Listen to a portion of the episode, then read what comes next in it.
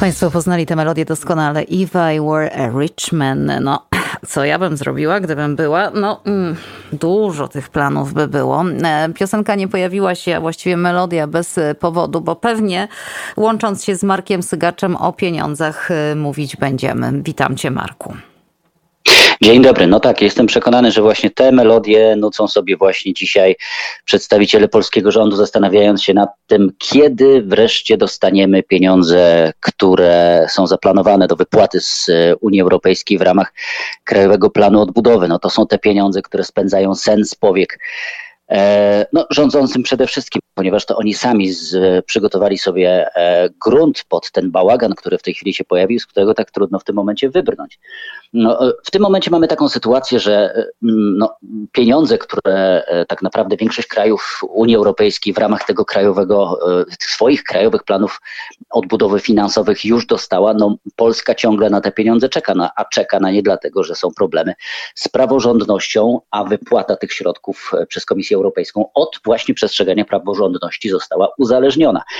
No i teraz mamy taką sytuację, e, że ten gordyjski finansowy węzeł e, rząd i parlament próbują w jakiś sposób e, rozplątać, tracąc przy tym jak najmniej politycznie oczywiście tracąc przy tym jak najmniej. Dziś sprawą ustawy, która została mm, przyjęta przez Sejm, która między innymi zakłada likwidowanie tej słynnej Izby Dyscyplinarnej, która była e, powodem, jednym z powodów tej wojny unijno-warszawskiej. E, wynika to z tego, że ta Izba Dyscyplinarna według dużym uproszczeniu mówić Komisji Europejskiej nie spełnia wymogów stawianych przed praworządnością unijną i nie spełnia tych, tych zasad praworządności unijnej. W związku z tym Komisja nalegała i w zasadzie uzależniała wypłatę pieniędzy od tego, żeby ta Izba została zlikwidowana, a sędziowie którzy zostali odsunięci wskutek e, no, dość kulawej reformy wymiaru sprawiedliwości w Polsce, zostali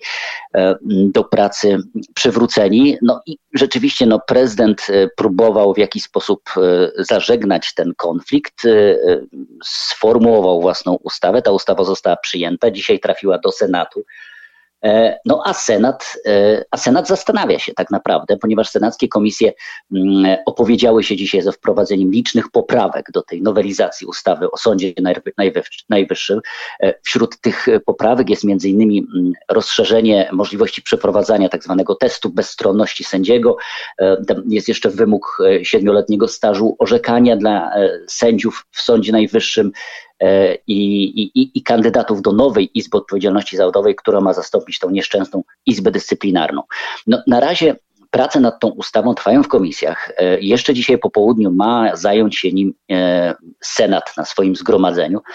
No i w zależności od tego, jak sprawy poprawek się potoczą,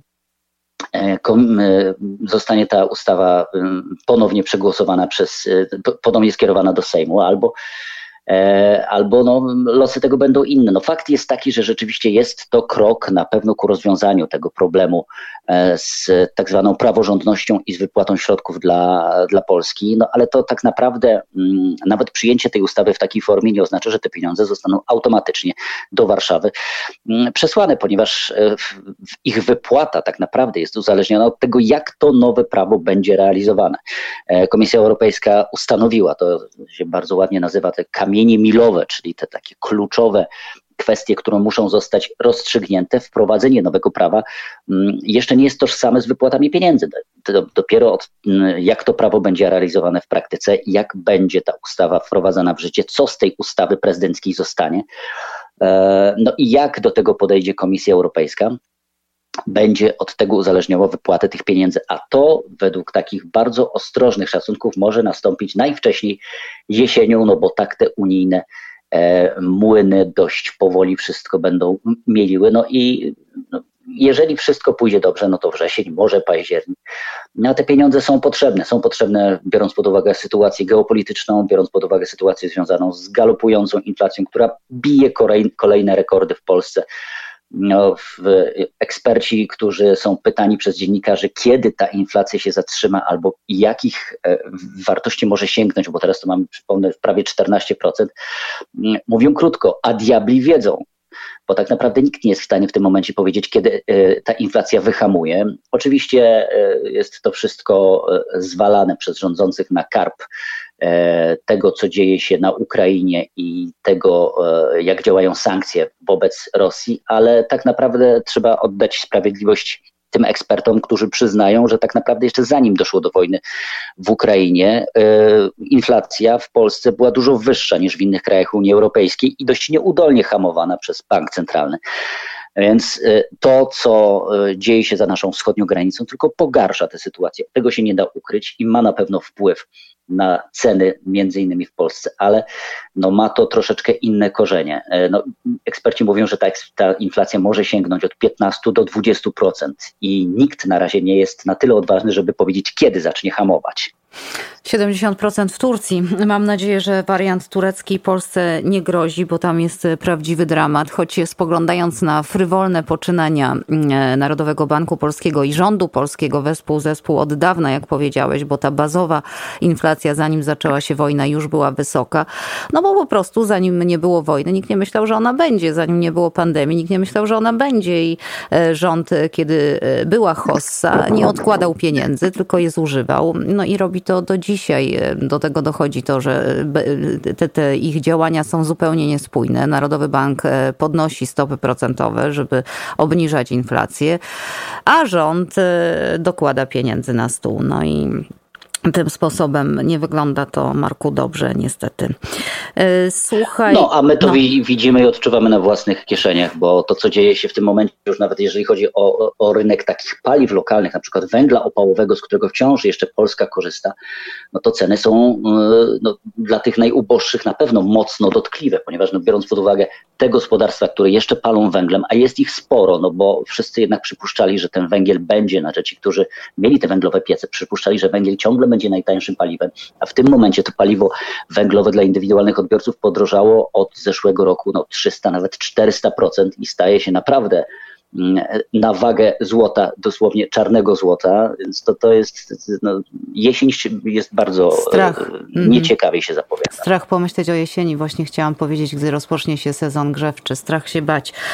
E, Marku, e, no tak, tymczasem Ursula von der Leyen przylatuje jutro, mm, wszyscy liczą, znaczy rząd liczy na to, że powie tak temu KPO, no i oczywiście informuje, że natychmiast trzeba otwierać poszewki na poduszki, bo pieniądze będą lecieć, jak powiedziałeś, to nie tak będzie wyglądać, więc z tą pomocą trzeba zachować jeszcze wstrzemięźliwość. Domyślam się, że Polska żyje również me meczem Igi Świątek, ale mm, ja chciałabym Cię teraz poprosić o komentarze tradycyjnie dotyczące Ukrainy. E, słuchaj, mm, sytuacja w Donbasie nie wygląda ciekawie tak moimi oczami. Wiem, że ty znasz się na tym dużo lepiej. Słuchaj, co oznacza przejęcie ewentualne, bo wiemy, że w 70% dziś jest przejęty Siewierodońsk, przepraszam. Siewierodonieck, tak. Donieck, tak. E, co to oznacza? Jak, dlaczego tak ważne jest to miasto? To tak naprawdę oznacza, że e, Rosjanie są coraz bliżej przejęcia całego obwodu ługańskiego. A to e, dla Ukrainy jest bardzo niepokojące. No, trzeba wziąć pod uwagę to, że Rosja tak naprawdę e, obniża czy też obcina te swoje wojskowe cele, chociaż tak naprawdę od samego początku wojny Kreml nigdy nie nazywał i nie określał ich tak bardzo precyzyjnie. Oczywiście teraz e, no, celem mm, tym, który chce zrealizować Moskwa jest e, zrealizowanie tych obietnic złożonych tak zwanym samozwańczym republikom Ługańskiej i Donieckiej. Przywódcy tych republik, tacy wataszkowie, zależni od Kremla, oni sobie założyli, że te swoje republiki, które przed 24 lutego stanowiły jakiś odłamek obwodów Ługańskiego i Donieckiego, sięgną granic tych obwodów. I tak naprawdę Rosja do tego dąży w tym momencie obwód ługański jest w najtrudniejszej sytuacji, ponieważ zaledwie około 10% jeszcze jest tylko pod kontrolą ukraińską. Jeżeli padnie Siewierodonieck, a padnie, nie da się tego uniknąć niestety, e, bo Ukraińcy też nie chcą powtórzyć błędu z Mariupola, gdzie tak naprawdę e, swoje e, oddziały zostały, ich oddziały zostały odcięte przez okrążenie rosyjskie, więc pewnie można się spodziewać, że z tamtego rejonu, a tam tworzy się taka kieszeń, taki kocioł, e, Ukraińcy będą się wycofywać, jeżeli oddadzą Siewierodonieck, e, mm, Lisiczańsk, to jest następna miejscowość, która wpadnie w ręce Rosjan z całą pewnością. I w tym momencie bardzo już będą blisko e, przejęcia całego obwodu ługańskiego. Niestety pesymistycznie ja e, do tego podchodzę i nie widzę możliwości w tym momencie, żeby e, Ukraińcy w tamtym rejonie rozwinęli jakąś kontrofensywę. Jeżeli zostanie objęty, zajęty cały obwód ługański, to zagrożone będą duże miasta i ważne obwodu donieckiego w tym momencie. To jest Słowiańsk i Kramatorsk. I to będą też z całą pewnością, bo to jest jakby po tej linii uderzenia, kolejne cele dla Rosji. E, no, o te miasta spodziewam się, że będą walki o wiele trudniejsze i o wiele cięższe niż o Siewierodoniec. E, I to, są, to jest kwestia pewnie najbliższych miesięcy. Oczywiście Ukraińcy na południu próbują rozwijać kontrofensywę w, e, w kierunku odzyskania kontroli nad Chersoniem. E, nad, e, nad Krymem, to jest ten obwód nad Krymem, ale to może być bardzo trudne i chyba nie odwróci uwagi e, Rosji. Rosja na Donbas rzuciła rzeczywiście potężne swoje siły i prowadzi tę wojnę w takim bardzo mało wyrafinowanym stylu, który jest niestety niszczący dla Ukraińców. To znaczy najpierw taki nawalny ogień artyleryjski bez opamiętania, bez jakichkolwiek bez jakiegokolwiek jakby kierowania się tym, po czym się strzela. No później próba e, odbicia pozycji, jeżeli rosyjscy żołnierze widzą, że nie mogą wejść na pozycje ukraińskie, wtedy dalej jest prowadzony ogień artyleryjski, więc jest to wojna na totalne wyniszczenie. Donbas po tej ofensywie będzie, tamten rejon Ługańszczyzny będzie na pewno e, no, zrównany z ziemią i bardzo zniszczony. No i pytanie, jak sobie poradzą e, Ukraińcy. Oni w tej chwili właśnie tego, co, co podają różne źródła, ściągają w tamte rejony, to niestety trwa tę dalekosiężną artylerię, która pozwoliłaby jakby odpowiedzieć na ten artyleryjski ogień e, Rosjan, no ale to niestety wymaga czasu. E, I wygląda na to, że oni jakby z premedytacją troszeczkę odpuszczają już w tym momencie tamte rejony. No właśnie chciałam Cię zapytać, czy te, wiesz, sprzęty, które płyną na Ukrainę, o czym wiemy, niedawniej jak wczoraj prezydent Biden znowu mówił o tych takich nowoczesnych rzeczywiście e, sprzętach i ciężkiej artylerii dostarczanej na Ukrainę. Czy to może zmienić przebieg tej sytuacji na Donbasie? Czy, czy, czy raczej skłaniasz się do tego, że, że tam no, że zostanie to na razie odpuszczone?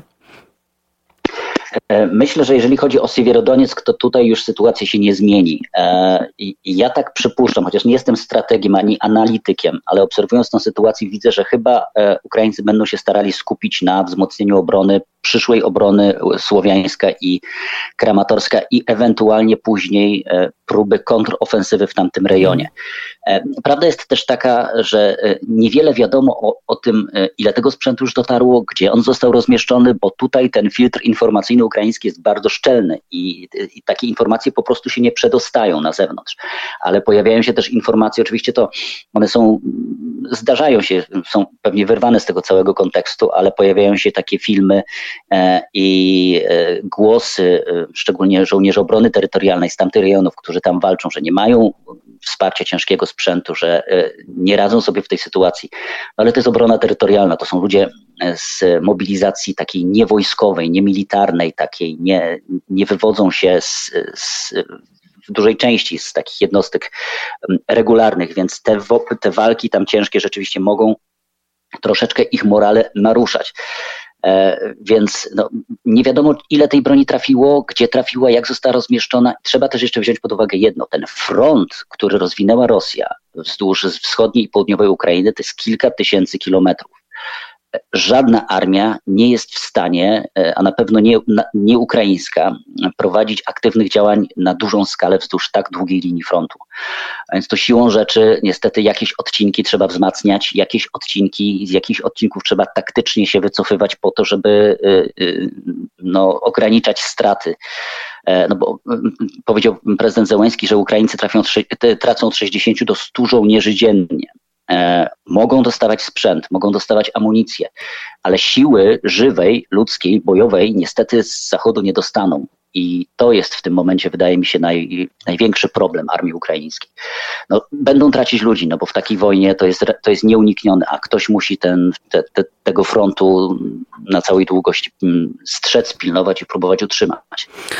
To prawda, zobacz, czwarty miesiąc już to trwa. Mówiło się, mówili analitycy, niektórzy eksperci, że ta wojna będzie długa. Muszę ci powiedzieć, że jakoś nie wiem, liczyłam na cud czy coś, i, ale hmm. wygląda na to, że, że rzeczywiście w takim kierunku to idzie. To jest, i to jest, ale to jest paradoksalnie, może przy tej całej goryczy, która nam się tutaj wylała, to jest paradoksalnie dobra wiadomość. To, że to trwa tak długo, to, że Rosjanie tak męczą te zwycięstwa, te drobne kroki na tym Donbasie. E, oni tak naprawdę nie, nie, przez te cztery miesiące jeszcze żadnego poważnego poza Mariupolem e, i Chersoniem, poza, e, jakiegoś tego poważnego zwycięstwa, które można by było sobie przypisać, nie odnieśli. To jest wszystko mocno wymęczone, więc a oni też mają ograniczone możliwości. I, i, no i w tym jest cała nadzieja, że, że Rosja też się w tej wojnie wykrwaja. Mm. Niech tak będzie. E, chwała Ukrainie. Marku, bardzo Ci dziękuję. Pozdrawiam Cię. Wszystkiego najlepszego. Z okazji Dnia Dziecka. Dziękuję wzajemnie. Pozdrawiam cię serdecznie. A dziękuję. A ja przyjmuję dzisiaj życzenia, bo ja ciągle dzieciaka w sobie hoduję. I wszyscy powinniśmy No i bardzo dobrze. I trzymajmy robić. się tego. Dziękuję ci raz jeszcze serdecznie. Marek, bardzo dziękuję. Dziękuję. Marek Sygacz e, u nas e, w, zwykle w każdą środę. Czasami się zdarza, że nie może o 15.30 czasu polskiego, o 9.30 naszego. E, w drugą środę miesiąca po południu o 5.40 u nas strefa konfliktu. To program Marka Sygacza również. Ta druga środa już za tydzień, już teraz Państwa bardzo zapraszam.